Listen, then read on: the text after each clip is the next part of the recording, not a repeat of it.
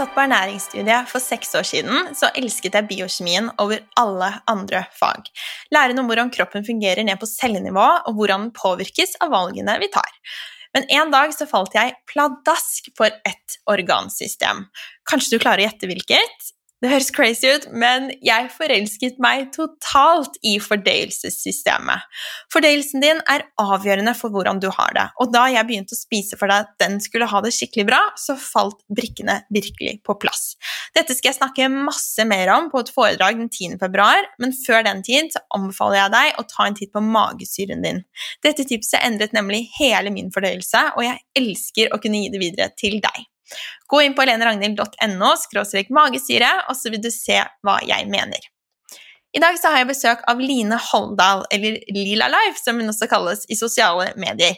Jeg har fulgt Line i mange år, og i dag er jeg så heldig at jeg får kalle henne en venninne. Line er ikke bare full av kunnskap, den dama her kan virkelig så mye, men hun har også en fantastisk evne til å kommunisere på en måte som er så leken og balansert. Jeg elsker det. Vi er innom mye i denne episoden. Trender, dietter, vi har gått på alt det crazy vi har gjort for helsen, og hvordan matvanene våre har endret seg, hvorfor vi fjernet silikoninnleggene våre. Her var jeg kanskje litt vel ærlig, føles litt sånn sårbart, men kjør på. Og så mye mer. Jeg håper du nyter denne episoden, fineste du.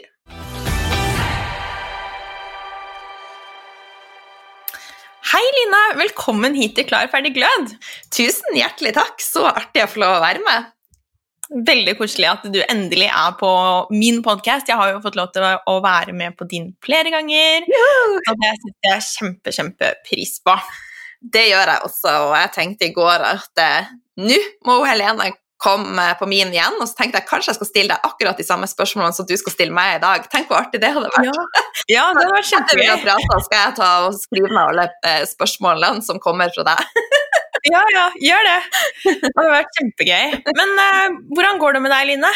Jo da, det går, uh, går, fint. Jeg har hatt en veldig rolig start på, på det nye året, så uh, Eh, nå når du inviterte meg med på morgenen i min verden, så var jeg litt sånn skeptisk til å rekke en avtale halv ti. ja, det er sånn det er å være småbarnsmor. Jeg bare Ja ja, kom deg opp. Ja. Så, jeg var fleksibel på den ene halvtimen, da. Ja, men det er bra. ja. Men du, du, vet jo at jeg er jo som deg, så nysgjerrig på hvordan andre lever, så jeg vil jo veldig gjerne høre, da. Hvordan starter du dagen din? Hmm. Um, jeg har alltid en rolig start på dagen. Jeg har investert i ei eh, vekkerklokke som vekker meg med fuglekvitring, og et lys som gradvis eh, økes. Så det begynner å Og så lyset kommer sånn forsiktig på en halvtime før jeg skal stå opp, og så vil ja, sterkere og sterkere. Så bruker jeg å ligge i senga og bare kjenne på takknemlighet. Og hvis jeg glemmer det av, så bruker jeg å hoppe tilbake i senga og så sier jeg, hei, Line, nå skal du være takknemlig før du eh, står opp. Eh, og så har jeg fokus på pust og eh, bruker alltid å velge med ei eller to eteriske olje som jeg smører under fotsålene. Eh, og så trekker jeg et kort for dagen. Ja, Så det er min, eh, det aller første jeg gjør, og så går jeg ned og lager meg enten sellerijus eller sitronvann. Det høres ut som den perfekte morgenrutine, må jeg si. Men det må jo, en, det må, jo en, eh, det må sies at jeg har tenåringsunger, og så har jeg en mann som er fantastisk i forhold til å, å håndtere da f.eks. sønnen min som skal på skolen nå, da. Så han er snill med meg. mm. ja. Åh, bra. Men hva pleier du å spise til frokost, da? Eh, det varierer. Eh, sånn som i dag så har jeg ikke spist frokost, eh, men vi etter samtalen så vil jeg noe steke med et egg og lage meg noen grønnsaker og kanskje en grøsta-karbonade. Eh, mm. Hvis ikke det er en sånn type frokost, så lager jeg meg ofte smoothie bowls. Eller eh, jeg er veldig glad i frokostlapper, og da er det squash og egg og Mm. Liksom, begge dette er jo sånne skikkelig klassikere for linefølge, eller alle tre. Men jeg kan linke til de um, oppskriftene, for du har jo denne gule smoothiebollen som du er så glad i. Ja. Solskinnsmoothien din. Ja. Så den tenker jeg lytterne må få, få teste ut. Den er kjempegod, men det er jo veldig viktig å si at det er jo Trine Berge der som har inspirert meg til den. Ja. Ja. Ja. Det er jo ofte sånn at man liksom inspirerer hverandre. Og øh, ja, det er, øh, det er det som er så deilig da, med å, å omringe seg med andre som er opptatt av helse. At du, får liksom, du blir inspirert selv også. Absolutt. Og du er en Mhm. stor inspirator. Ja, takk. Men det er jeg håper å si sånn historien om oss Jeg begynte jo å følge deg for veldig mange år siden, og da husker jeg du blogget om lavkarbo. Eh, jeg husker veldig godt liksom, bloggen din, og at du hadde sånne bilder sånne, sånn koselige bilder med litt sånn lavkarbo-snacks. Og så husker jeg at du en gang hadde tatt blodsukkeret ditt når du hadde spist um, en mer liksom, blodsukkervennlig julegrøt. Liksom, det er rart, for jeg husker så veldig godt at jeg fulgte denne bloggen, og så så jeg deg på TV, og så plutselig møtte jeg deg, og jeg var helt sånn Oh my god! Og nå er vi liksom venninner. Så veldig eh, morsomt at vi liksom, jeg har fulgt deg så lenge. da. Du, har, du er virkelig en av de som har vært i dette gamet, og liksom vært åpent snakket om det og blogget og sånn i veldig lang tid. Mm. Så, men jeg er sånn nysgjerrig på å høre hvor startet egentlig denne reisen for deg? Når var det du liksom interessert i mat og helse, og Mm. hva gjorde det? Jeg har egentlig alltid vært eh, veldig glad i mat og veldig interessert i mat, eh, men så på et eller annet tidspunkt i tenårene så kom det ut av balanse. Så eh, det resulterte i at jeg fikk eh, anoreksi og etter hvert bulimi. Og så i begynnelsen av 20-årene så var jeg gravid, og da tenkte jeg at hei, nå er jeg nødt til å gjøre noe, det er noe som er større enn meg sjøl her i verden. Um, så da fikk jeg en veldig sånn drive til å lære mer om egen, egen kropp, og begynte å studere ernæring da. Eh, så gradvis så har jeg bare lært mer og mer, og kommet mer og mer i balanse da. Em, men det har tatt lang tid. Eh, så det er jo, nå er jeg jo i, i midten av 40-årene. Jeg får nesten liksom gåsehud når jeg sier det, for det føles så uvirkelig at jeg liksom begynner å nærme meg 50. Jeg er enig. Du er ikke din sånn, sånn spirit age, sånn, hvis det finnes noe sånt. Det er ikke det. Du er liksom 29, tenker jeg. Det er så ridiculous, men samtidig så jeg har hatt et langt liv, og ja, det har skjedd mye. Eh, og lavkarbo var liksom et veldig nødvendig skifte for meg, for jeg var sukkeravhengig. Så det Mm. gjorde at jeg klarte å få kontroll på blodsukkeret mitt, og klarte å stoppe å kaste opp mat, rett og slett. Så Ja. eh, mm. Så der starta det. Mm. Og så har du nå også liksom endret litt på det. Det er også en ting jeg husket når vi møttes, at du bare sånn Ja, men jeg er ikke redd for karbohydrater. Og det var sånn Da var jeg fortsatt litt sånn What? Er ikke du det? For jeg følte du har liksom snakket mye om det, og at eh, ja, kanskje Det er rart hvordan man liksom husker Man setter folk sånn i bås. Ja. Eh, så når jeg liksom møtte deg, så så jeg jo liksom bak, da, og det er egentlig mange av de jeg har møtt innenfor, som jobber innenfor helse, at man setter litt bak, og at ting er ofte mye rundere enn det man tror, og mye mer helhetlig. Så um, hvordan føler du at ting har endret seg for deg nå i matveien enn da? Mm. Eh, det som er veldig opptatt av, er at jeg sitter ikke med noe sannhet, og ting i livet er dynamisk. Sånn at jeg utvikler meg som menneske, jeg lærer noe nytt hele tida. Eh, og min helsesituasjon har også endra seg, sånn at jeg har ikke lenger spiseforstyrrelser. Jeg har ikke lenger et anstrengt forhold til, til sukker. Sånn at jeg er der at det viktigste for meg å innta så ren og naturlig mat som mulig, men også mat som jeg liker og som gjør meg glad. Um, og jobber mye mer med å ikke shame meg sjøl og eh, sette pris på det jeg har tilgjengelig. Så eh, ja, så det kan variere veldig hva jeg spiser, men det er ikke sånn at jeg hiver meg over en melkesjokolade, for det har jeg ikke lyst på. Eh, sånn at lystene mine har endra seg veldig, så da, derfor kan jeg leve litt avslappa, for jeg har ikke de her cravingsene etter junk, og det har liksom bare avtatt. Mm, Ja. Absolutt. Hvordan ser du på kroppen din nå, da, i forhold til før? Eh, jeg ser jo at eh, altså kroppen min endrer seg. Det er jo en naturlig del av en, eh, av en utvikling. Altså, jeg, jeg blir eldre, sånn at jeg har jobba mye mentalt med å, å sette pris på den utviklinga som skjer, på godt og ondt. da. Eh, og det aller viktigste for meg er at jeg skal trives i min egen kropp, og for meg er helse det handler om en følelse. Eh, Så eksempelvis så veier jeg meg aldri, og jeg kjenner litt mer på, på kroppen hvordan det føles å være med da. Eh, og jeg ja, prøver å stenge ute alle sånn at jeg skal sammenligne meg med andre. Og så lenge jeg har en frisk og funksjonell kropp, så er jeg, er jeg fornøyd. Men jeg må også si at altså det er jo veldig mye fokus på at vi skal trives sånn som vi er, eh, og det syns jeg er veldig, veldig fantastisk. Eh, og jeg har alltid vært slank. Eh, selv om jeg ikke har hatt spiseforstyrrelser, så er det det jeg er vant med også. Så for meg også, da, Hvis jeg hadde gått opp 20 kg, så hadde jeg ikke trivdes med det. Så det har handla om å, for meg å trives. Så jeg kommer til å etterstrebe med å, å være sånn som jeg er, sånn at jeg kan gå på fjellet, sånn at jeg kan gjøre yoga uten at det er noe som stopper meg, hvis du skjønner. Mm, jeg skjønner. Jeg syns dette er et veldig sånn, spennende tema, og det er som du sier, det er det er liksom sånn vanskelig å liksom landmine å tråkke opp i. fordi at på en måte så er jeg veldig for som du sier, at man skal akseptere seg selv som man er. Og det tenker jeg sånn som for min del, da, så jeg har aldri vært og liksom aldri, Uansett om jeg har vært liksom veldig, veldig veldig tynn og liksom ikke frisk, mm. så har jeg aldri vært sånn pinnetynn. ikke sant? Altså, Jeg blir ikke sånn tynn. Jeg er bare ikke skapt sånn som menneske. Det er ikke min liksom bodytype. da. Og dette er jo egentlig som man snakker mye om liksom, i Arveda og sånne ting, at man ser at folk er forskjellige. Mm. Så det tenker jeg liksom én ting, at alle kan liksom ikke bli twiggy, liksom. Det bare går ikke. Men samtidig så er det jo noe med å liksom etterstrebe å ta vare på kroppen, og da kommer jo andre ting etter hvert. Mm. Det er liksom ikke sånn, De to tingene kan på en måte gå sammen, da, og både være takknemlig for kroppen og det som funker. Og dette gjelder jo uansett om man har lyst til å gå ned i vekt, eller om man er syk. og liksom jeg husker selv liksom, hvor mye jeg på en måte hatet kroppen min da jeg hadde ME. Og bare følte sånn åh, Kan det ikke bare fungere, liksom? Hvorfor skal du ødelegge alt?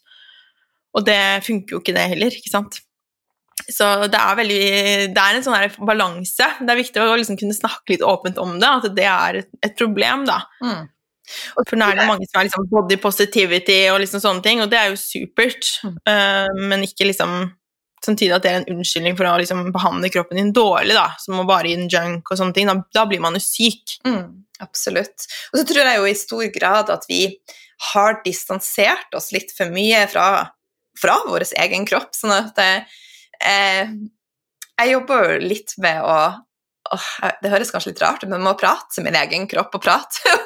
så, så når jeg var i bilulykke nå, så, som vi prata om før vi starta innspillinga, så hosta jeg mye for at jeg har fått et veldig trykk på lungene. Eh, men jeg prøver å prate litt med lungene, for lungene er et organ for sorg. sånn at alle organene kan knyttes opp mot en emosjonell følelse. Så det er så mye spennende der ute som vi ikke har kål på. Eh, mm. Det er jo ja, øh, veldig spennende. Det er veldig spennende. og de, altså Nå begynner det også å komme mye mer sånn forskning hvor de sier at traumer setter seg i kroppen. ikke sant? Og liksom, så det er ting som jeg tenker sånn ting som før var liksom wow, det var så alternativt. liksom typ sånn Yoga, meditasjon, pusteøvelser, mindfulness, alt sånt der. Nå er jo det liksom Veldig mange store bedrifter har jo det.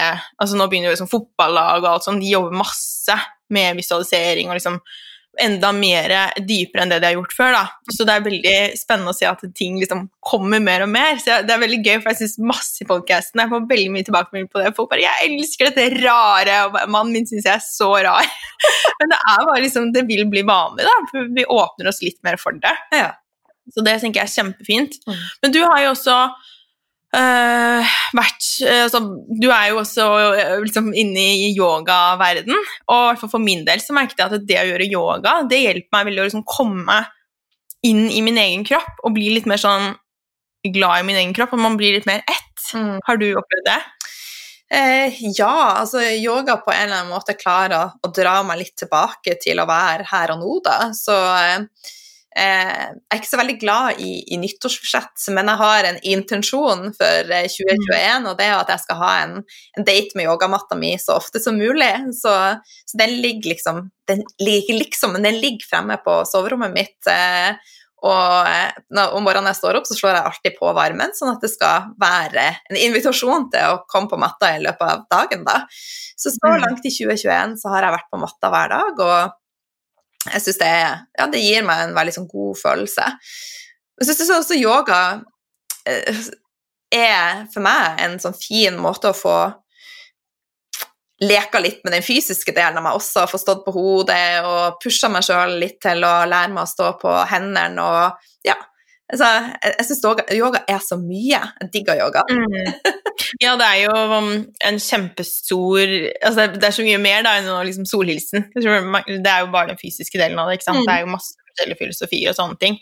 Og jeg tenker at det som er så viktig, er at du bare do you, ikke sant? At liksom det er det som det er for deg. Så noen har best av å bare ligge rett ut på matta, og andre har lyst til å stå på hodet, og det er ingen av delene som er feil. Nei.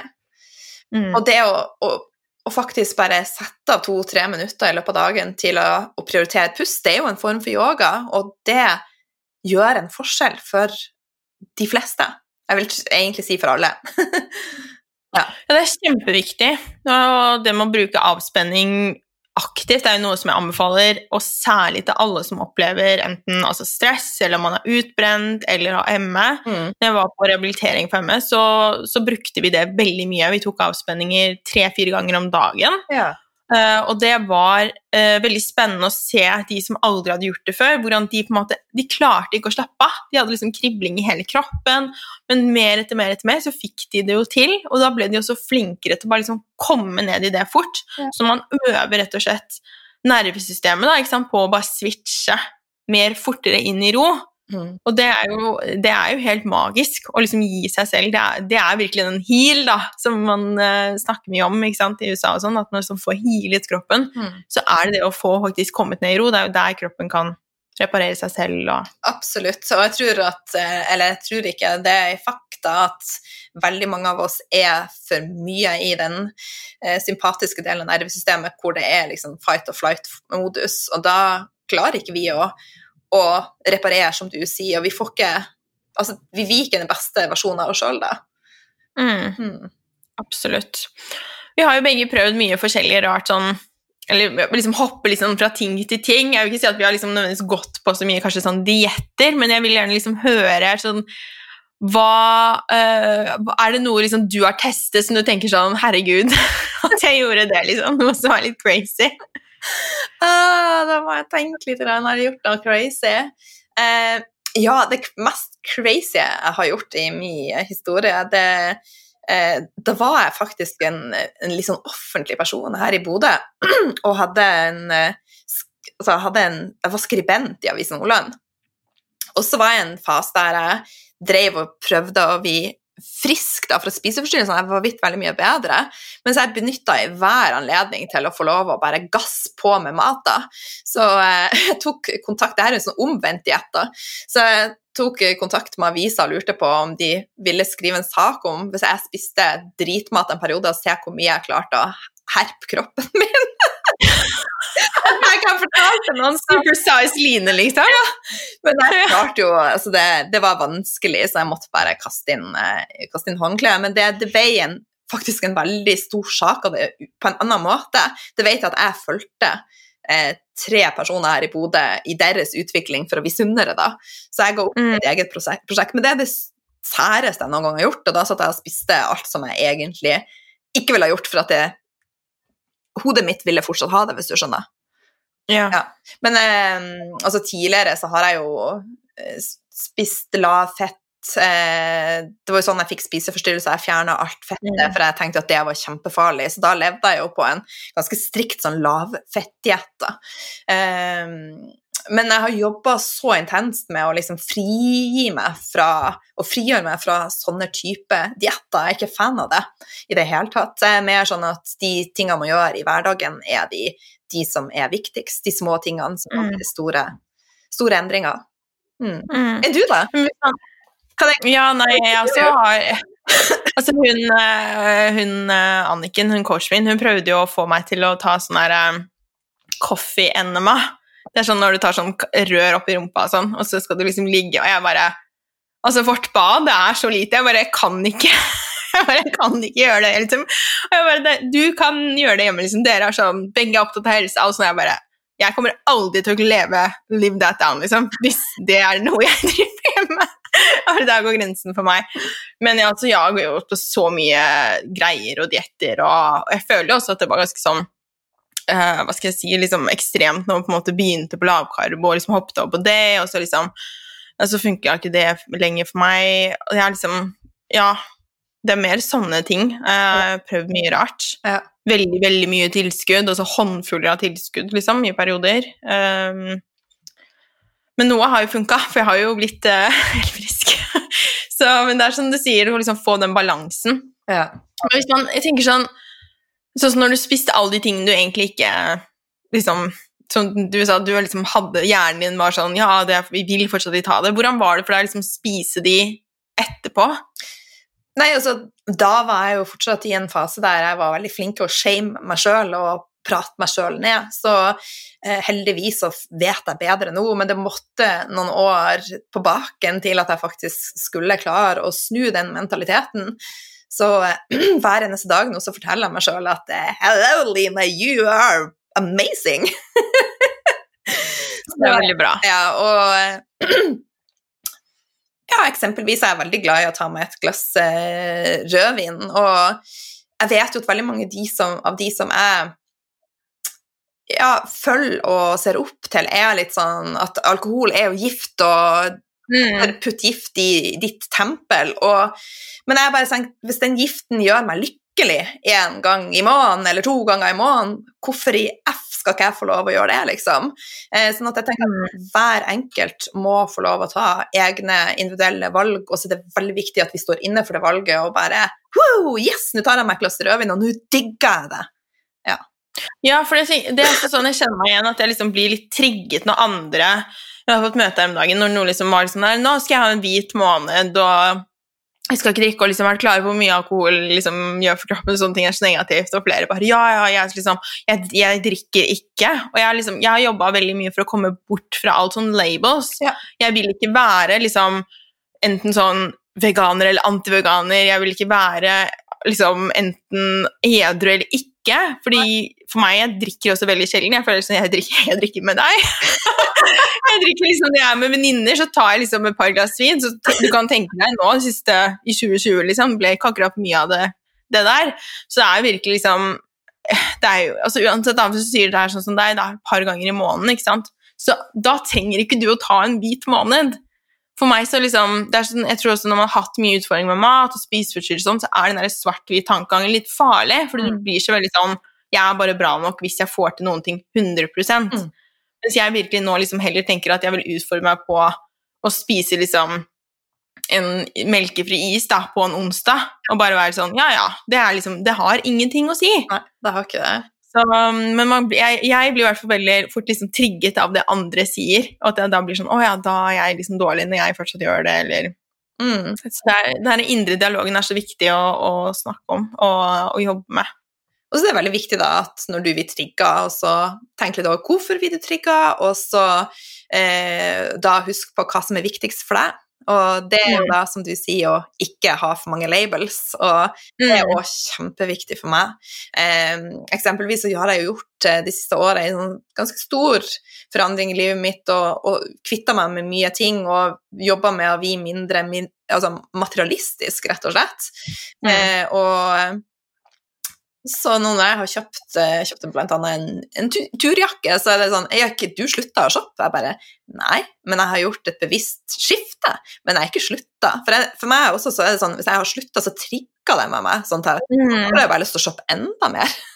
Mm. Ja. Ja, ja. Alt som liksom er forbudt. Så jeg syns det er så kjempespennende, og det er liksom i sosiale medier også, så merker jeg at folk har liksom veldig behov for å putte deg i en boks, Mm. og, og det er liksom Jeg er bare skikkelig sånn Og i år så skal jeg bare være meg. Jeg skal bare være sånn herre Jeg liker dette og dette og dette, og det går helt fint sammen, for det er det som jeg setter pris på i mitt liv. Og det liksom elsker jeg ved deg, da, at du er både at vi liksom drikker vin, og så har vi liksom kosttilskuddene våre i små, små esker med oss på restaurant. At vi liksom, det er sånn godt og blanda. Ja. Men så sa her om dagen til meg, liksom, eller jeg hørte en podcast eller noe som bare var sånn, som også hatt veldig sånn strikte ting med mat, og liksom, og det å, men bare endelig så skjønner jeg hvorfor folk har liksom ruccola på pizza. Mm. For først så tenkte jeg sånn, hvis du først spiser pizza, da er jo liksom løpet kjørt. Så hun bare, ah, og det synes jeg var så fint bilde da, av at liksom bare, ja, det er ikke enten eller da, du kan veldig fint spise pizza med salat på, fordi det er godt, og det gjør, gjør deg godt da. Mm. Det er, uh, Og det er jeg òg stor tilhenger av, og det har jeg vært i mange år. Og hvis vi lager f.eks. pasta, så putter jeg jo mest mulig grønnsaker oppi, for jeg vet jo at det er prebiotisk, og i tillegg Mm. er det jo fantastisk godt. Eh, og jeg får lura i ungene mine grønnsaker på den måten. Så det er liksom Ja. Ja takk, begge deler. Mm. Ja, fantastisk. Men hva vil du si er liksom matfilosofien din nå, da, hvis du skal uh, summere den litt? Mm. Eh, spis intuitivt, og det høres kanskje litt eh, rart ut, men da må man kanskje gjøre et forarbeid for å klare å lytte til hva som er riktig for seg sjøl. Så må vi klare å roe ned nervesystemet, eh, for hvis ikke så blir det faktisk for mye støy der. Så det er en Mm. prosess å komme seg dit, men målet vil jeg si må være å klare å finne ut av svarene sjøl. Hva er rett for meg, istedenfor å få svarene hos alle andre. Eh, og samtidig ha en tankegang om at, som vi prater om, ja takk, begge deler. Kos, men samtidig gjør ting som er fornuftig. Så det vil jeg si er det viktigste for meg, da. ja. Ja, det er kjempefint. Beklager hostinga. Nei, nei, ikke tenk på det. Det er jo også um, sånn at forskjellige ting fungerer for forskjellige folk. Mm. Den derre bioindividualismen. Ja. Uh, at det er uh, Vi er jo liksom ganske like i genene, men vi er jo ikke like i historien vår. Nei. Så jeg tror sånn også for oss som har vært gjennom mye helsegreier, og da er det ikke nødvendigvis sånn at vi bare kan leve sånn som andre som aldri har opplevd noe utfordring med helse. Vi er forskjellige og forskjellig sårbarhet, og noen får inflammasjon av en ting som ikke andre får, ikke sant. Så det er kjempe Den derre kranglingen om hva som er liksom det rette, den har jeg bare meldt meg litt ut av, egentlig. Mm. Det er nok eh, lurt, for at det finnes ikke en fasit, og, og det kommer hele tida ny forskning, sånn at det er jo en, som jeg sa i starten, en dynamisk prosess, dette. Eh, Men jeg tenker at vi alle har godt av å spise minst mulig prosessert mat, for at det som er mest naturlig, og som er mest egnet for å komme inn i systemet vårt. Sånn at vi Mm. eh, er litt kresen. Altså, eh, la oss si når vi dater, altså vi slipper jo ikke hvem som helst inn i livet vårt. Hvorfor skal vi pakke hva som helst inn i systemet vårt? Det er jo litt eh, Ja, kanskje ikke helt sammenlignbart, men på en eller annen måte. Men tenk sånn hva du fyller på bilen. da. Nå har jeg elbil, det er kanskje du òg. Men, Ja. men før, da, i gamle dager, når man hadde sånn bensin og diesel jeg var alltid sånn, Vi hadde dieselbil før, og jeg var så redd for at jeg skulle fylle bensin. Jeg måtte liksom alltid være sånn dobbeltsjekke, liksom. Fordi det ville aldri gjort det, og noen er jo veldig sånn her, «Åh, liksom, det servicestedet og liksom alt sånn, men kroppen, det bare Mm. det bryr man seg ikke så mye om. Nei. Jeg hørte en forskning som kom nå, som var liksom De hadde delt folk i to grupper, og så hadde de gitt ene gruppa en eh, brødskive, liksom sånn Det var en altså, grov brødskive med cheddarost versus en loffskive med sånn det er sånn topping. Det er ikke ost, men det liksom ser ut som ost. Og de som spiste den liksom fake maten, da, den ultraprosesserte, de fikk en nedgang i fettforbrenning på 53 Ja. Etter å ha spist det måltidet. Så jeg føler at den ultraprosesserte maten Nå har vi faktisk fått noen sånne forskningsstudier da, i i, bare det siste året som virkelig viser at liksom Særlig på vekt, og det begynner jo også å eh, på en måte pusle litt da, på den der kalorier inn, kalorier ut, at liksom, det er det eneste som har noe å si. og Mm. for det tror jeg kanskje er også sånn det mest ekstreme. ikke sant? Det var liksom der leve på sånn dobbel null yoghurt, for det var så få kalorier. At liksom bare sånn, ja, Så lenge man kan liksom spise få kalorier, så har det ikke noe å si hva man putter i seg. da. Og det at den faktisk, at man faktisk finner ut nå hvordan man kan vise, som man liksom kan da, at litt sånn andre typer ernæringsfolk da, enn oss, og leger og sånn, kan begynne å se sånn Oi, dette er faktisk noe jeg kan stille meg bak. da, At hjemmelagd mat faktisk er best. Ja. Det er ganske gøy, syns jeg. Ja, det er jo kjempebra. Eh, men mitt mål, eller mitt ønske for oss eh, mennesker, er jo at vi skal klare å vri fokuset bort litt fra det her eh, som du prata om nå, som veldig mange er på, at de teller kalorier, og at de tenker kalorier inn og kalorier ut. Så at, altså, vi er jo så mye mer komplekse som mennesker, så vi fortjener jo bedre. Altså, Mm. ja, altså jeg tror at hvis vi bare klarer å senke skuldrene, roe ned nervesystemet og tenke mest mulig connecting til naturen, så, så vil brikkene falle på plass. Jeg tror vi Mm. kompliserer ting altfor mye. Ja, helt enig. Så Helt, helt enig. altså, vi skaper jo stress som bare gjør oss syke og, og, og feite. Sorry. Sorry. Sorry to say, men eh, ja, så for å liksom runde av litt med mat, da, hvilke Du, du kan si sånn ja, tre til fem ting da, som du føler at du må ha hjemme av matvarer. Eh, akkurat ja, favorites. så er jeg bare så tilhenger av å starte dagen enten med sitron eller selleri, så jeg må ha en av de Same. tilgjengelig. Hvis ikke så er det liksom en, en, en, ikke en fullverdig dag. Og så Jonas sier vi jo snart ha et eget selleribudsjett.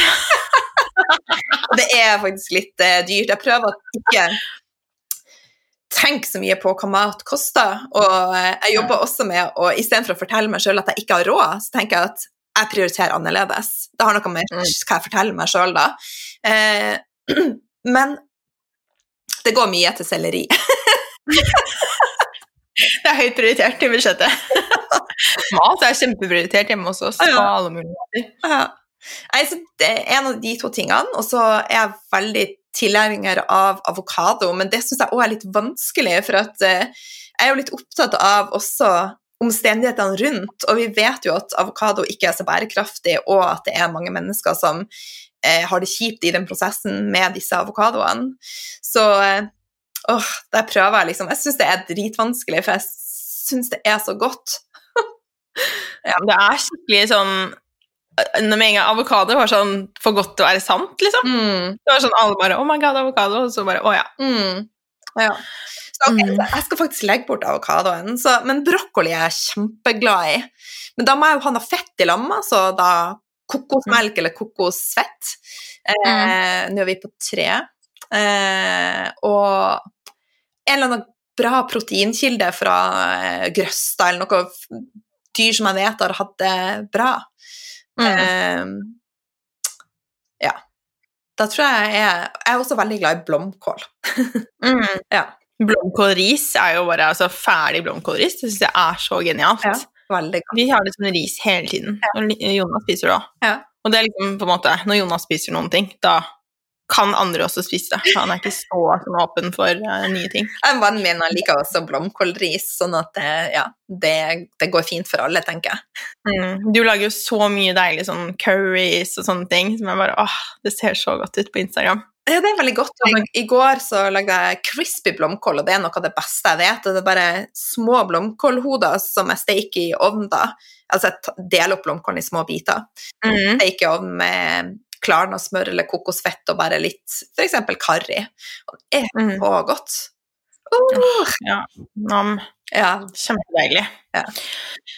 Vi har jo så utrolig mye til felles. Altså, vi har jo samme human design. Hvis du ikke har hørt om det, så får du google det.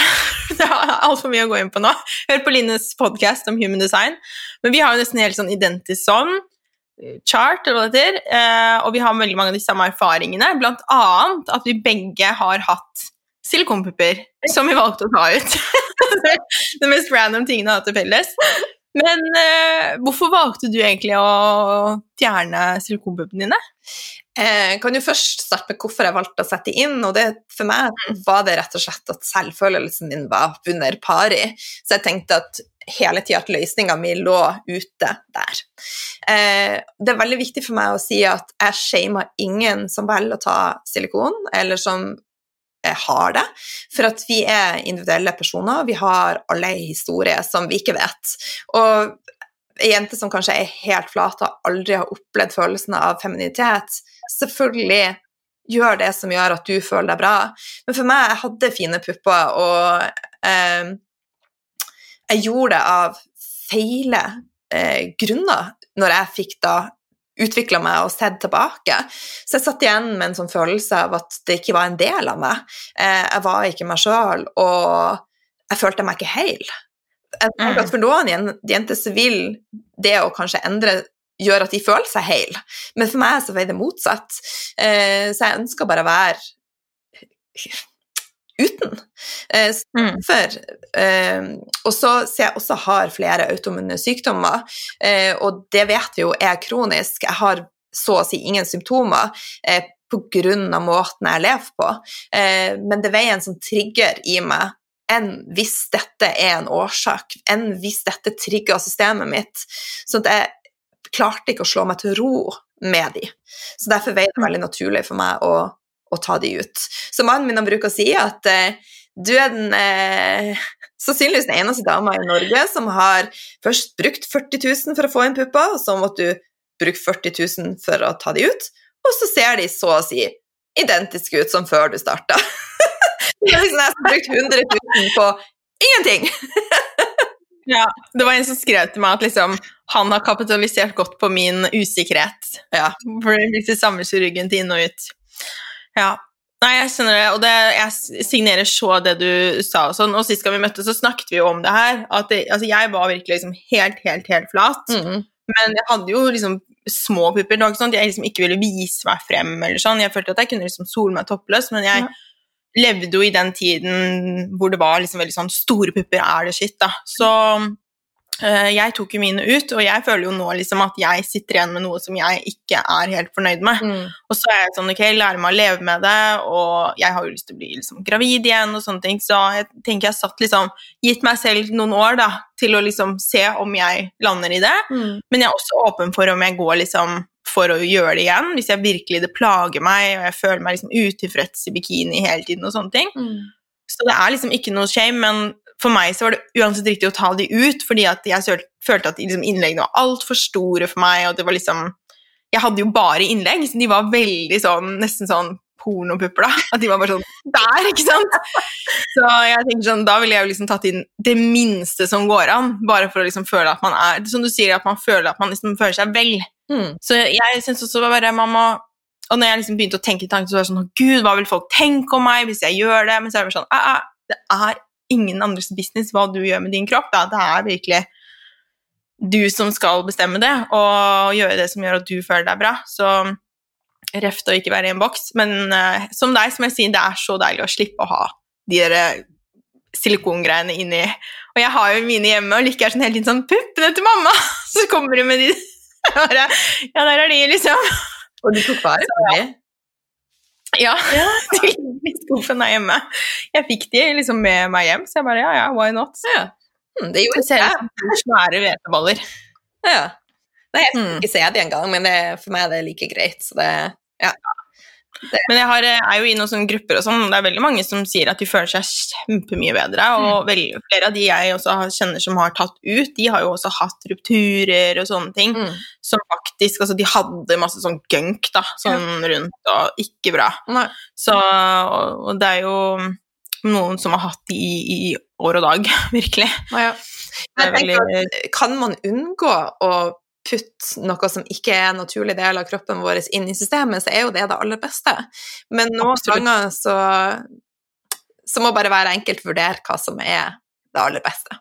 Så mm. ja. Ja. Ja. Jeg sa at jeg ikke hadde liksom nok fett da, til å putte sånn fett inn i de. Så jeg har noen venninner som sier at de gjerne donerer fett fra rumpa. Jeg bare, ja, det blir nok litt vanskelig, men takk for tilbudet. Det hadde vært så hyggelig hvis jeg bare rumpefett til liksom en venninne her og en venninne der. Det hadde vært optimalt, tenker jeg. Men alt, i, altså alt utvikla seg jo veldig fort, sånn at jeg vil jo tro også at det kommer mer naturlige alternativer, eh, sånn at det kan være greit å bare ha litt is i magen. Eh, og Mm. ja. Så eh, Absolutt. Og så kan ting forandre seg veldig. Som du vet, når man liksom får barn, så kan jo puppene forandre seg masse. Så jeg tenker når jeg da blir gravid etter hvert, så kommer jeg sikkert til å få større pupper, og så kommer jeg til å være sånn Liker jeg dette, eller Og så er det jo eh, Hormonsyklusen til oss damer den endrer seg jo med årene, eh, og vi produserer jo også mer og mer østrogen, eh, og det kan jo også gjøre at vi kommer ut av balanse, og det er jo ikke helt positivt. Men østrogen gjør jo også at puppene våre vokser, sånn at og tenk at det skiftet kommer for de fleste damer i 35-40-årsalderen, så jeg har automatisk Det er nok derfor jeg har Jeg har nesten større pupper nå enn eh, enn eh, før jeg satte inn implantat, og det tror jeg er en del av eh, ja, det å eldes, rett og slett. mm, Så eh, Ikke sant. mm. Så hvis jeg bare er villig til å vente liksom, til jeg er sånn 35, så kanskje jeg bare begynner å få større pupper naturlig. Det hadde vært det aller beste. ja, jeg ville i hvert fall ha venta til, eh, som du sier, til du har eh, fått til barn og lar til Ja, ja, helt klart. mm. Helt klart. Um, du er jo så utrolig kunnskapsrik, Line, og jeg opplever at vi begge liker å dele erfaringer sammen med litt råd og kunnskap som vi kommer, og det er jo derfor jeg er så glad i å følge deg også. Og en av de tingene som du kan utrolig mye om, som du deler også masse om, det er jo eteriske oljer. Mm. Så jeg er så nysgjerrig på å spørre deg hvordan fant disse oljene veien inn i ditt liv? Mm. Det som er, er viktig å si, at når jeg starta min helsereise, så har det virkelig ikke vært strømlinjeforma, så det har gått eh, opp og ned. Så eh, i 2014 så fikk jeg kyssesyke, og eh, fikk også da diagnosen ME eh, og var eh, ganske langt nede igjen. Og det var, dette var etter at jeg starta med min reise i forhold til lavkarbo og sånn. Og da måtte jeg bare omstille hjernen min, og da begynte jeg å jobbe med nervesystemet mitt og tenkte at mat er en del, men det å stresse ned er vel så viktig. Det å være i kontakt med naturen. Eh, og jeg veide da sykemeldt og var ganske langt nede. Og så var jeg på et yogakurs for utbrente, faktisk. Eh, og der kom det ei med ei flaske eh, eterisk olje. Jeg var superskeptisk. Jeg satt sånn bakerst i rommet og du vet noe Nei, vil ikke ha, vil ikke ha, vil ikke ha. Og etter at på gang liksom, nummer fire, når alle tok den dråpen og lukta, så de ble så glad, og så smurte de under fotsålene. Jeg bare Ok, da, kanskje jeg skal prøve. Og så var jeg solgt. Og etter det så var det bare sånn Jeg var så solgt at jeg begynte jo bare å prate om det til alle. Og plutselig så er jeg blitt hun der oljekjerringa. Ja. ja, det har du faktisk. Ja, det er veldig, veldig gøy. Ja. Det er, og, ja, eteriske oljer er også sånn Jeg hadde også sånn resistance mot det, for jeg føler at liksom du vet, sånn, når, no, når alle begynner med noe, så blir jeg litt sånn åh, skal alle gjøre det, da? Mm. Uh, og så har jeg liksom brukt lavendel veldig lenge og sånn, men ikke liksom noe mer enn det. Og, og så når jeg da begynte å åpne litt opp for det, så var det liksom også som du sier, at man bare blir sånn wow, liksom. Man kan bruke det til alt. Ja. Så mm, vil du dele litt eksempler på hvordan du bruker eteriske oljer i din hverdag? Mm. Eh, og så er jeg jo veldig Da har dere sikkert skjønt at jeg er veldig glad i naturen, eh, og eterisk olje knytter meg til naturen, for det er rett og slett dråper som er rett fra naturen. Så det første jeg gjør på Ikke det aller første, men jeg gjør det i hvert fall før jeg står opp på senga, det er at jeg smør eh, ei eterisk olje under fotsålene daglig, som er med og jorda meg, og i dag så, så ble det faktisk den blandinga som er her, som heter Anchor. Mm. Eh, og jeg bruker alltid å lukte inn også før jeg setter i gang dagen min. Eh, sånn at olja kan jo brukes på hud, det kan brukes aromatisk, og det kan brukes innvortes hvis det er helt rene olje. Så jeg bruker det jevnt og trutt eh, som en naturlig del av min hverdag, som en support, rett og slett. Eh, og hvis jeg kjenner at jeg brygger på et eller annet, så tar jeg gjerne en kapsel med olje som er immunstøttende, sånn som oregano, eh, timian, eh, Copaiba er jeg veldig glad i. Det er jo veldig mye snakk om CBD-olje, og eh, Copaiba er svaret på Altså det kan tilsvare da CBD og påvirke det som heter det endokannabonide systemet, som påvirker nerve- og immunsystemet vårt positivt. da. Mm. Så eh, nå skravler jeg mye, men eh, Og jeg bare mm, hører, hører. Jeg de diffuseren står og, og putrer hjemme hos oss dagen eh, lang, for eh, det er en sånn fantastisk måte å påvirke energien til hele familien. Mm. Og, ja. Vil du dele noen av favorittene som dere har i diffuseren? mm, veldig glad i, i diffuseren, eh, så jeg at det er fint å gjerne ha eh, eh, for de er liksom oppløftende og er med å sette fokuset. Eh, som Wild Orange er perfekt hvis man har eh, også sure, gretne gubber eller tenåringer eller unger som sliter med å konsentrere Vi har jo ikke det, Line. Vi har aldri sure barn. Så, eh, men altså, skulle jeg bare ha valgt for meg sjøl, så er mine favoritter frankincense. Altså, jeg elsker frankincense. Den er det er the king of the oil, eh, så den bruker jeg også hver dag under tunga. Ta litt grann under tunga. Eh, også veldig glad i lavendel og peppermynte. Det er liksom min sånn trio. Eh, men så er det en annen blanding som er helt magisk, og det er en dråpe Douglas fir, og så er det en dråpe med eh, grapefrukt og en dråpe med green mandarin. Det er magisk. I diffuseren? Ja, en dråpe av hver. Det skal jeg prøve. Mm. Det hørtes veldig godt ut. Ja. Nei, det er, veldig, det er veldig veldig deilig med oljer. Jeg har litt sånn utfordring med at eh, han her hjemme ikke syns det er liksom, synes, Jeg tror han er sånn superlukter. At han liksom blir sånn påvirket av lukter veldig, da. Så jeg må være liksom forsiktig, men han er jo masse på jobb, og ja. Så da kjører jeg på.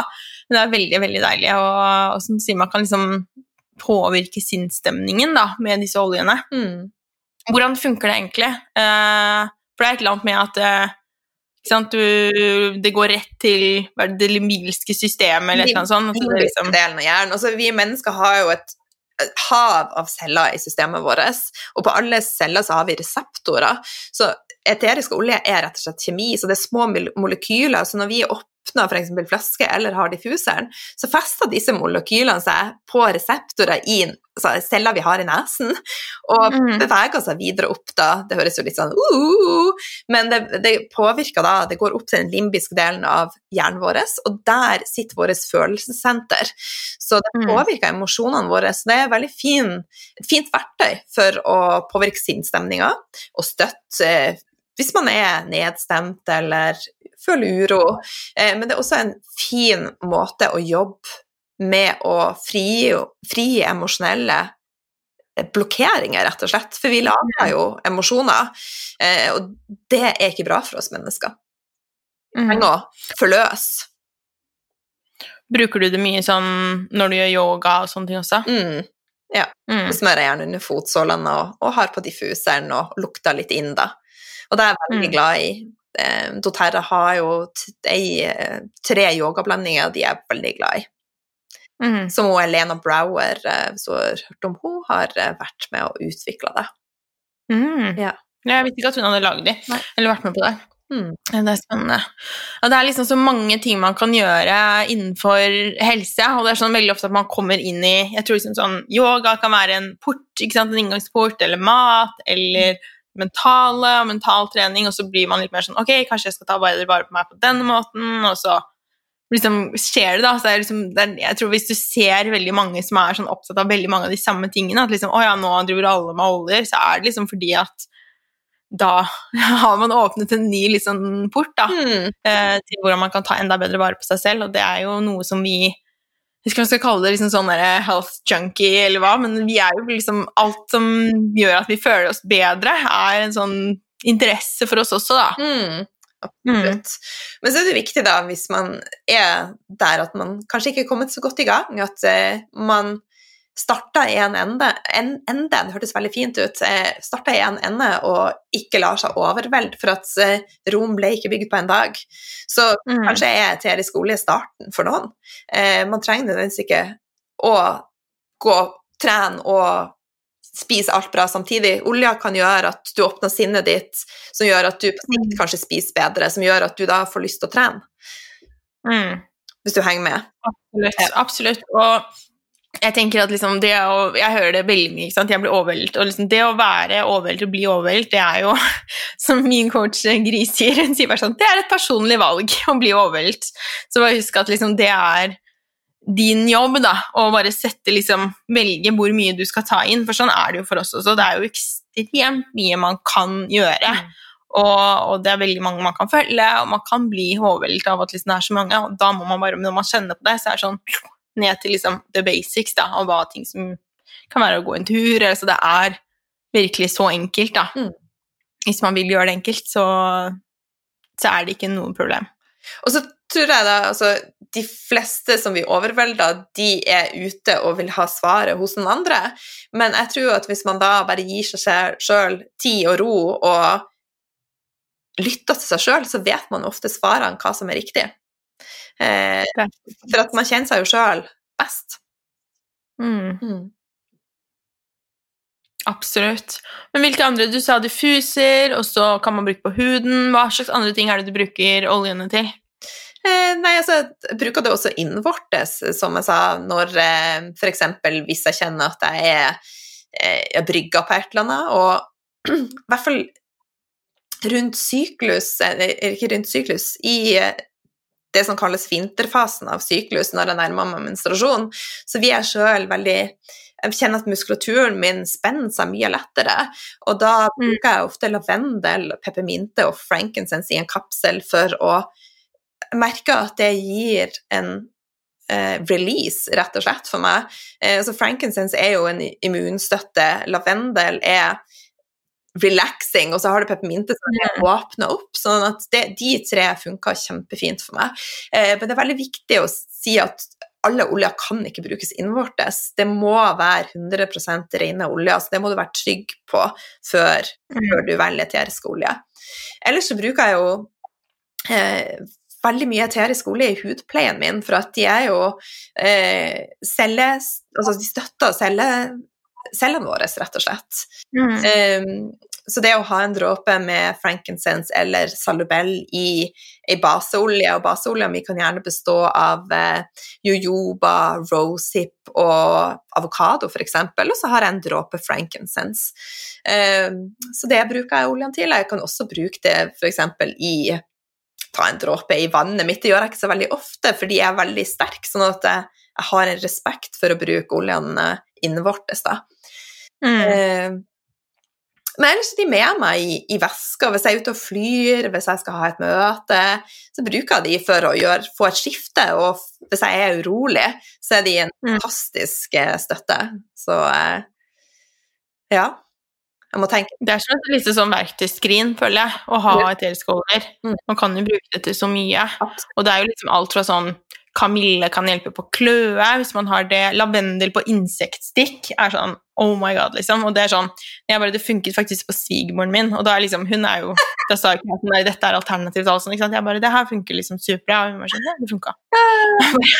Noen ganger så må man teste på noen som ikke er sånn der åpen, og fordi jeg må si sånn, jeg vil så gjerne at naturlige ting skal funke. ikke sant? Hvis jeg kan velge mellom en medisin og et natur, en natur, liksom, naturpreparat eller en olje eller et eller annet, eller å spise noe annet, så vil jeg alltid liksom velge det naturlige, og jeg vil at det skal funke. Og på andre siden så kan man jo ha nesten litt sånn for negative tanker om å ta en medisin. Noen ganger så må man bare gjøre det. Mm. Um, jeg har jo liksom vært på, på liksom legevakten med sånn, liksom, noen infeksjon i et sår eller noe, hvor de bare 'Hvorfor kom du ikke før?' Jeg var sånn 'Nei, altså, jeg ville ikke det. jeg tok grønnstoppebadet', og de bare 'Ja, ok', liksom. Så det er sånn man lærer, da. Men, um, men jeg tenker at det, det er liksom, da, da er det gøy å få teste på folk som ikke Mm. håper vet noe bedre, da, som har liksom helt naturell, naturlig liksom, hva Nøytral var ordet jeg leter etter. Nøytral holdning til alt. da, De er sånn Ja, så lenge det hjelper, så hjelper det, liksom. Mm. Og den, en ting som jeg bruker veldig veldig mye, er jo den der kremen. Åh, hva heter den? Den blå tuben. Å ja, Deep Blue, så bra! For den bruker jeg også kjempemye. Altså Hvis man får vondt, sånn vondt i ryggen, alt sånn, da er liksom bare én For meg, da, som ikke har noe sånn kronisk plager, eller sånn, så er det liksom bare å bruke den. da. Det er så deilig. Den er faktisk magisk. Tenk at jeg glemte den. Den står rett på sida av meg her nå. Ja. Eh, Men det er jo ikke en olje, da, så det skjønner jo det. Det er jo mer sånn et produkt, men, men den eh, er jeg veldig, veldig glad i. ja, Deep Blue, da, den er basert på den. Så blant Mm. annet den Wintergreen. Men jeg har jo vært i USA på flere konferanser der eh, annet eh, spillere, altså proffe fotballspillere i USA, de bruker denne Deep Blue-kremen i det daglige. Han bare Jeg klarer meg ikke uten den. Den er helt fantastisk. helt fantastisk. Den er amazing, faktisk. Og det er liksom Altså, den lukter litt liksom frisk mynte, men ikke sånn eh, Ikke var, var sånn, derre sånn salve Ja, som man bruker balsam. som kald. Ja. Tigerbalsam, ja. For det syns jeg er sånn Å, det lukter ikke noe godt. Minner meg om sånne gamle dager og svett gymsal. Så, nei. Nei, takk. det var noe for noen dager siden, så um, var jeg invitert til en bursdag, og det, da hadde jeg litt sånn spente muskler og hadde egentlig ikke så Mm. kjente bare for å være hjemme, men så var det søstera mi, da. Og da smurte mannen min deep blue på meg før jeg for. Og jeg var jo spent på om jeg skulle lukte som ei bombe, men jeg spurte faktisk flere, og de kjente ikke lukta. Så det er jo et veldig bra eh, Mm. Ja, veldig bra. Jeg bruker den håndspriten til um, doTERRA som er sånn spray, den On Guard eh, nå, eh, og, og da liksom folk bare Hva er det som lukter så godt? Og bare, er det pepperkaker her? Og sånn, har du bakt? Jeg bare, Nei, det er bare håndspriten min. Men den er liksom så, ja, så det er veldig mange sånne gode, gode ting som er liksom deilig å bruke i hverdagen, da. Mm, absolutt. Men eh, On Guard, som er i denne håndsprayen, er den første olja som jeg veier, veier forelska i, da. Mm. Den er veldig god. Mm. Ja. Jeg tror det var den du også holdt på å si, ga til meg, som jeg bare Ja, den her var liksom Den er så bra. Elsker den. Ja, nei, Jeg kunne jo snakka om eterisk, og jeg tror vi må spille inn en hel episode om det også, for det er så spennende. mm, gjerne. Det, det syns jeg absolutt. Men dette er liksom, Vi har jo, som sikkert kom frem nå, har liksom holdt på med det her så lenge, og det er liksom virkelig lag på lag. Man begynner med de minste endringene og liksom fjerner kanskje vanlig sukker. Liksom, det er jo en stor endring for mange, men du skjønner man begynner liksom der, og så legger man på, og så føler jeg at man kanskje kommer over i den fasen hvor man er veldig strikt. Og så kanskje man samtidig er liksom Oh my god, hvorfor gjør ikke alle dette? Mens vi begge nå er over litt mer i den fasen hvor vi bare er sånn Føler hva som er riktig for oss, og er liksom in the flow da, og liksom gjør vår greie. Og, og liksom, ja. Så det er bare å si, si at det, det, tar tid, som du sier, å komme dit, at man blir skikkelig kjent med seg selv, men det er en jobb som alle må gjennom. Veldig opptatt av det i kursen min også, at jeg gir liksom et rammeverk, og jeg gir gjerne altså, selvfølgelig alt av råd og liksom tipser og ut ifra deres situasjon, men også liksom er sånn du må finne ut hva din mage fungerer best med. Det er ingen test eller noe sånt som kan si det per dags dato. Det er virkelig du som må gjøre den jobben. Og leke deg, som du er så glad i, da, med å finne ut hva som fungerer for deg. Men da du var helt fersk i dette, er det noe du skulle liksom ønske at du visste? Hvis du kunne liksom si noen ting til deg selv da, når du var i starten av den reisen? Mm. Jeg skulle bare ønske at jeg hadde mer respekt for meg sjøl og var mer glad i meg sjøl, for det, eh, da tror jeg jeg hadde behandla meg sjøl annerledes. Eh, mm. Det er faktisk det eneste jeg tenker at jeg skulle ønske eh, jeg kunne gjøre annerledes, for det hadde gitt eh, et annet utfall. Eh, for jeg, det var altfor mange år der eh, mat var en obsession, og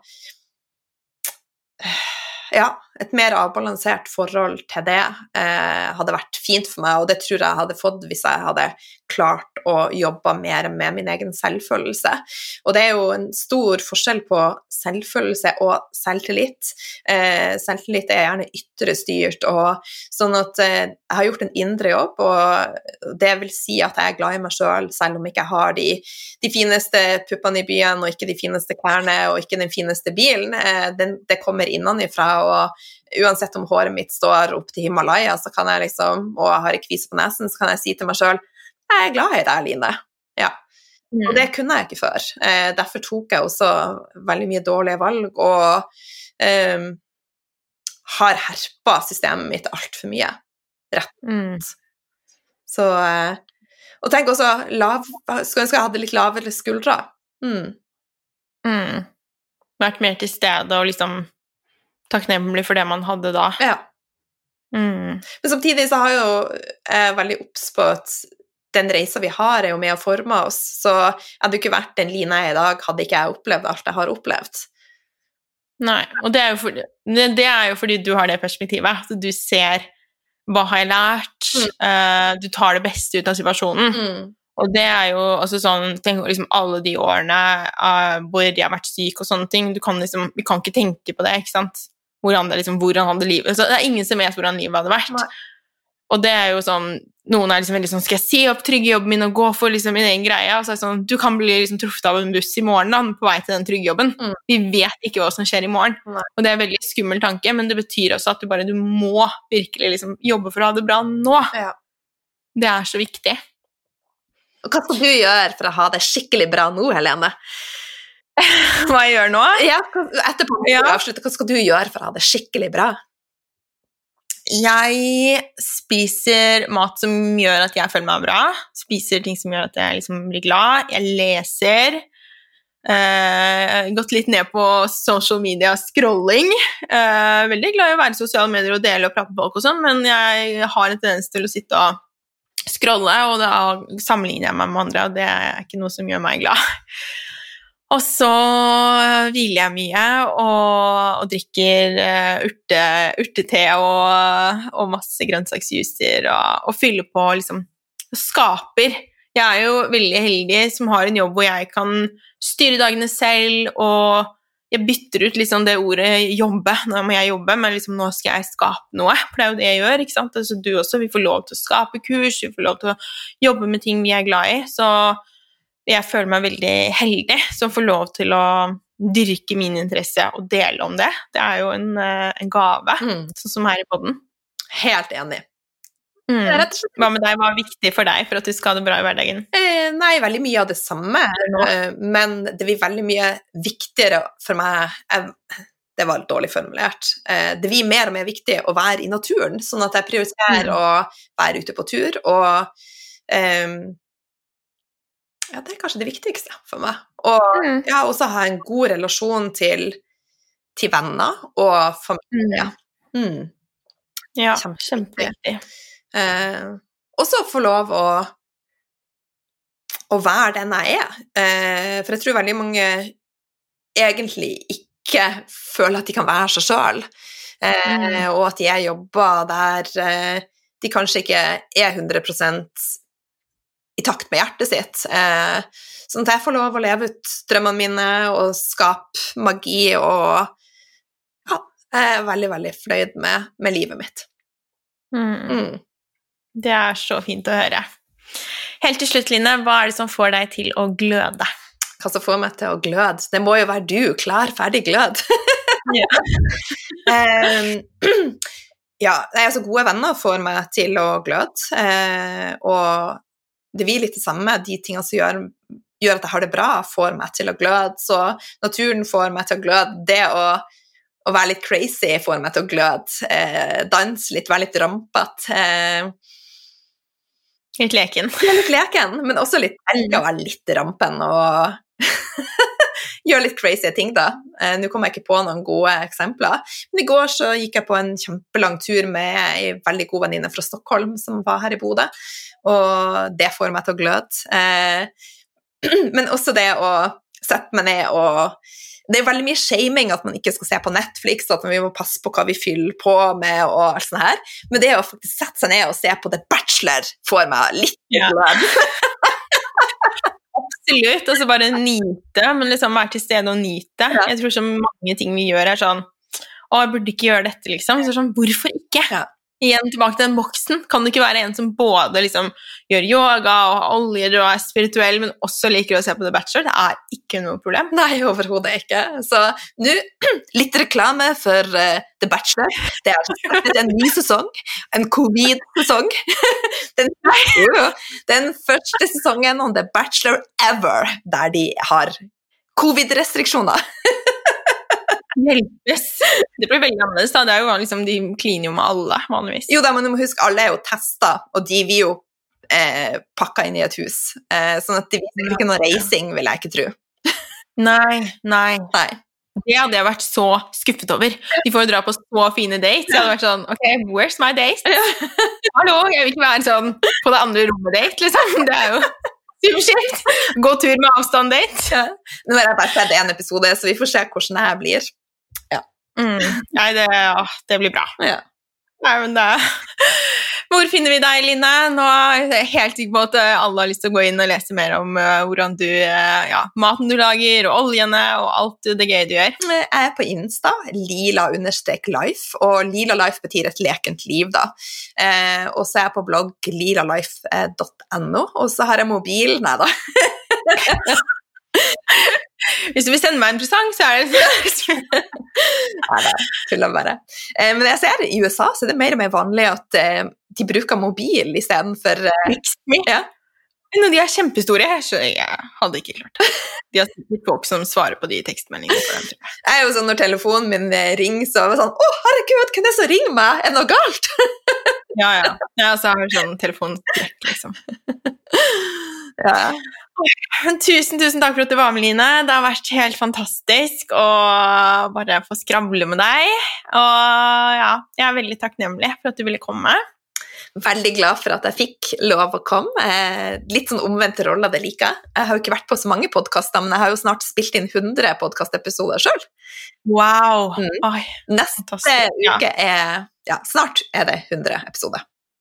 Og jeg anbefaler selvfølgelig på det varmeste å sjekke ut eh, Lekent med Lilla Life, som er en av mine favorittpodcaster. Og vi har jo også sikkert kommer til å ha en del av de samme gjestene, og det liksom er veldig fint, for da får du høre litt om forskjellige spørsmål, innfallsvinkler, og ja, det er veldig, veldig gøy. Elsker eh, din podkast, Line. I like måte. Så og så er det veldig fint at vi kan inspirere hverandre, sånn som du som inspirerte meg til å ta kontakt med hun, Norunn og Anniken. Og Anniken og Jelle, jeg er veldig glad for at du eh, satt meg i kontakt med. Hun er også blitt min sånn detox-coach. Mm. oh, hun er så flink. ja, hun er veldig flink. Så eh, er det også urtete og kanskje det blir klyster, eh, sånn kaffeklyster Ja, i løpet av året. Vi får se. Jeg tror vi gjør det på hotellet. We will see. Ja. To be continued. Nei, men tusen takk, Line. Sjøl takk. Ha det. Og meg det finner dere på heleneragnhild.no og Helene Ragnhild på Instagram. Og så håper jeg dere vil gå inn i appen deres og gi meg fem stjerner. Da blir jeg så glad. Tusen takk for at du lyttet, og så høres vi igjen om en uke.